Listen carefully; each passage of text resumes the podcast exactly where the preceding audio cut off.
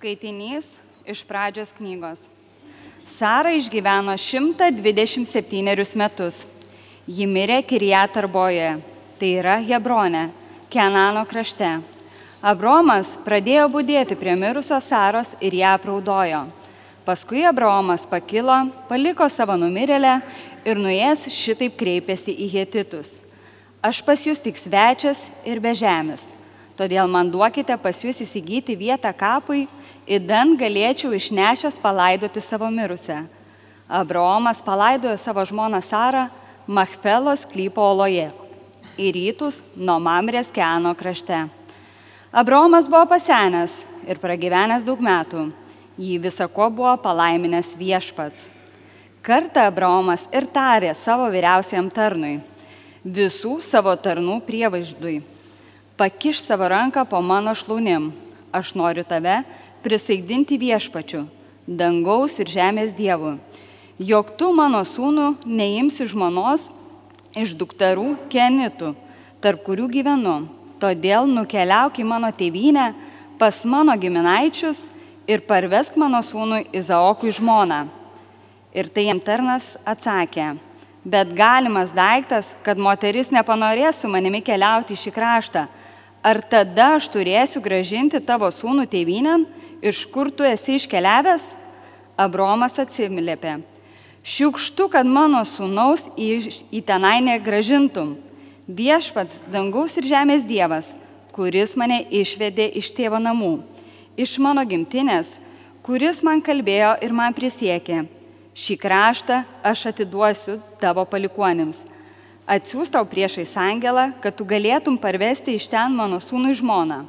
O jeigu moteris nepanorės su tavim keliauti, tu būsi laisvas nuo šios priesaikos Tik tau, anaip tau nevalia mano sūnų į ten sugražinti. Tuomet Izaokas išėjo iš dykumos, nuo Lahai rojo šulinio, matys gyveno Nagebe. Jis pavakarė buvo išėjęs pasivaikščioti po lauką. Pakėlęs akis, pamatė ateinant kupranugarius. Rebeka taipogi pakėlė akis ir pamatė Izaoką. Skubiai nulipusi nuo kupranugario, paklausė tarną kas tas vyriškis, kuris ten lauku ateina pas mus priešais? Tarnas atsakė, tai mūsų šeimininkas. Tada jį paėmė šydą ir užsidengė veidą. Tarnas Izaokui papasakojo viską, kas buvo nutikę. Izaokas nusivedė Rebeką į savo palapinę. Jis paėmęs ją ir toji tapo jo žmona. Ja taip Izaokas pamilo, jog buvo paguostas dėl savo motinos netikimo. Tai Dievo žodis.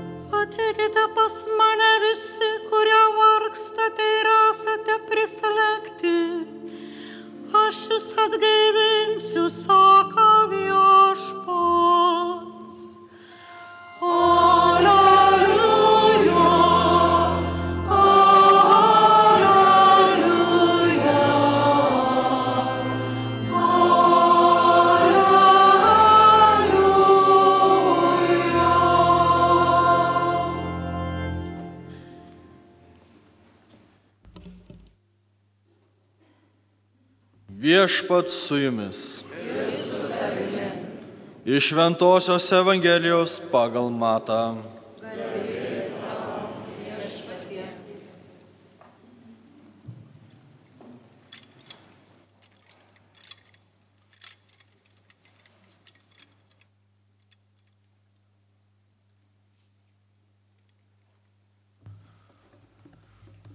Anuo metu praeidamas Jėzus pamatė muitinėje sėdinti žmogų vardu Matas ir tarė jam, sek paskui mane. Šis atsikėlė ir nuėjo paskui jį. Kai jis mato namuose sėdosi prie stalo, ten susirinko daug muitininkų bei nusidėjėlių, kurie susėdo šalia Jėzaus ir jo mokinių.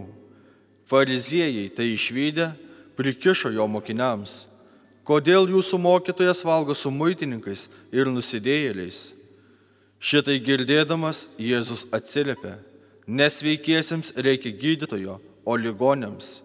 Eikite ir pasimokykite, ką reiškia žodžiai. Aš noriu pasigailėjimo, o ne aukos. Aš ir atėjau šaukti ne teisiųjų, bet nusidėjėlių. Tai viešpaties žodis.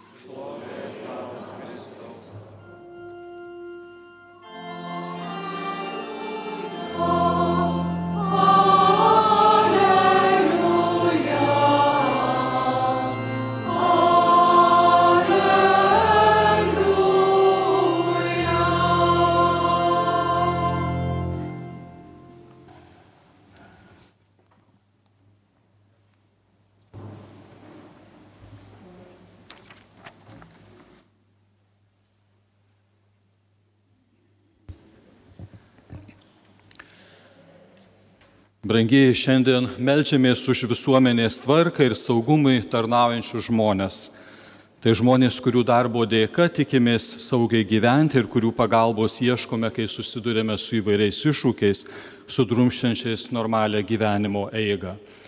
Šiandien dėkojame jums visiems čia susirinkusiems, jūsų atstovaujamiems pareigūnams, kitiems darbuotojams. Dėkojame už jūsų tarnybą, už jūsų darbą, tokį svarbų mūsų visuomeniai. Melčiame viešpatį jums stiprybės, išminties ir viso to, ko jūsų tarnyboje, jūsų darbė esate labiausiai reikalingi. Į jūs žvelgiame, kai ieškome pagalbos, kai norime saugumo, patikimumo. Ir štai tokiame kontekste šiandien mūsų užkalbina Dievo žodis, kurį ką tik girdėjome ir kuris kviečia mus pažvelgti į savo gyvenimą taip pat ir iš Dievo perspektyvos. Posmelėje prieš Evangeliją girdėjome Jėzaus kvietimą. Ateikite pas mane visi, kurie vargstate ir esate prislėgti, aš jūs atgaivinsiu. Šis kvietimas primena, kad Dievui rūpi mūsų gyvenimas. Jis kviečia mus prie savęs, kad ateitume prie jo iš ten, kur tuo metu esame. O esame labai dažnai įvairiose aplinkybėse. Viešpaties pašaukimas skatina leistis į kelionę, kurioje taip pat patiriame visko. Tačiau galutinis tikslas yra atgaiva, džiaugsmas, neišnykimas, ne mažiau, bet daugiau gyvenimo. Ta svarbu, kad visada prisimintume, į ką viešpas mus šaukia - į gyvenimą, į amžnai džiaugsmą. Pirmasis skaitinys kalba apie mūsų tikėjimo protėvį Abromą. Atsiliepdamas į viešpaties pašaukimą, jis atkeliavo į tolimą kraštą, kuris jam yra pažadėto į žemę. Ir visgi, kaip šiandien girdėjome, šiame krašte jis nekarta jaučiasi tik svečias ir be žemės. Tada Bromas nori, kad jo sūnaus Izaoko žmona būtų iš kadaise paliktos gimtinės. Tačiau, kaip vėl šiandien girdėjome, Abromui tai nėra svarbiausias tikslas, dėl kurio Izaokas turėtų sugrįžti atgalios ir tenai pasilikti, jeigu vėl kažkokios nenumatytos aplinkybės dėl susiklostytų taip, kad e, nepavyktų jam e, sukurti šeimą, sudaryti santoką su moterimi iš tos tėviškės gimtinės. Abromo apsisprendimas yra galutinis. Jis ir jo palikuonys gyvens ten, į kur viešpas juos atvedė ir nesigrėžios atgal. Brangiai šis epizodas paskatina susimastyti ir apie mūsų santykių su praeitimi. Viena vertus iš jos mes semėmės stiprybės, kaip gėdame mūsų himne, kurį ir vakar visi, kas kur būdami lietuviai visame pasaulyje pasklidę, vakare 9 val. gėdojome. Iš praeities semėmės stiprybės. Kita vertus, gerai suprantame, kad nebūtų teisinga tiesiog nostalgiškai prisirišti prie praeities ar bandyti į ją sugrįžti, atkuriant visus senuosius papročius, seną įtikėjimą. Ne viskas, kas buvo anksčiau, jau vien dėl to yra geriau. Viešpats nori, kad mes auktume, kad priimtume praeitį, kartais su dėkingumu, kartais su atgaila ar atleidimu, susitaikymu tačiau kad neužstriktume praeitįje. Mokytumės iš praeities, tačiau savo gyvenimo nepaverstume muziejumi, kuriame eksponatai neliečiami. Neturime užstrikti vaikystėje, paauglystėje ar dirbtinoje jaunystėje, bet turime aukti, bręsti, prisimti atsakomybę. Gyventi čia ir dabar, o ne praeities nostalgijoje ar ateities svajonėse. Gyventi realybėje, o ne virtualybėje ar iliuzijose. Gyventi savo, o ne kitų gyvenimą, kai taip rūpinamasi kitų atsakomybė, kad apleidžiama savoje. Tiek daug kalbama, ko nepadarė kiti, kad galiausiai nespėjama padaryti ar blogai padaroma tai, kas patiems privalu padaryti. Viešpas nori, kad tikrai gyventume, kad apšiai turėtume gyvenimo. Pirmasis skaitinys šiandien baigėsi glaustų pasakojimu apie Abraomo sūnaus Izaoko ir Rebekos, būsimosios žmonos susitikimą. Kalba apie jų santuoką ir meilę. Tai dar vienas pavyzdys, kaip išgyvenamas pašaukimas. Viešpats kalba mums per sutiktų žmonės. Ypač per tuos, kurie padeda išeiti iš savo naudiškumo, moko priimti meilę ir mylėti. Didžioji visuomenės dalis savo pašaukimą atranda santokoje. Ji taip pat yra kelionė, kuri atliekama kartu. Kelionė iki santokos, kai stengiamasi pažinti vienas kitą, priimti ir mylėti kitą kaip asmenį, o ne daiktą ar įrankį, priimti ir gerbti kito ribas. Tai kelionė ir po santokos, kurioje viešpas nori, kad meilė auktų, o ne mažėtų kad ji būtų tarsi žydinys, šildantis ir per ilgas žiemos dienas, o ne tik įspūdingas, bet trumpas ferverkas. Įstrigo vienas pasidalymas praeitą birželį Romoje vykusiame pasaulinėme šeimų susitikime. Kai vestuvių dieną sutuoktiniams buvo linkima, kad tai būtų pati gražiausia, laimingiausia jų gyvenimo diena, Viena močiutė išsakė kitokį palinkėjimą, bet išeidama iš savo pačios patirties. Jis sakė, kad santokos diena jūsų gyvenime iš ties yra nuostabi. Tačiau ir dienos po jos te būna pažymėtos nesilpstančia, bet augančia meilė, palaikoma, puoselėjama, brestančia. Keičiasi įvairūs dalykai, įvairios aplinkybės, keičiasi mūsų amžius, mūsų išvaizda, bet meilė turi bręsti ir aukti, nemažėti.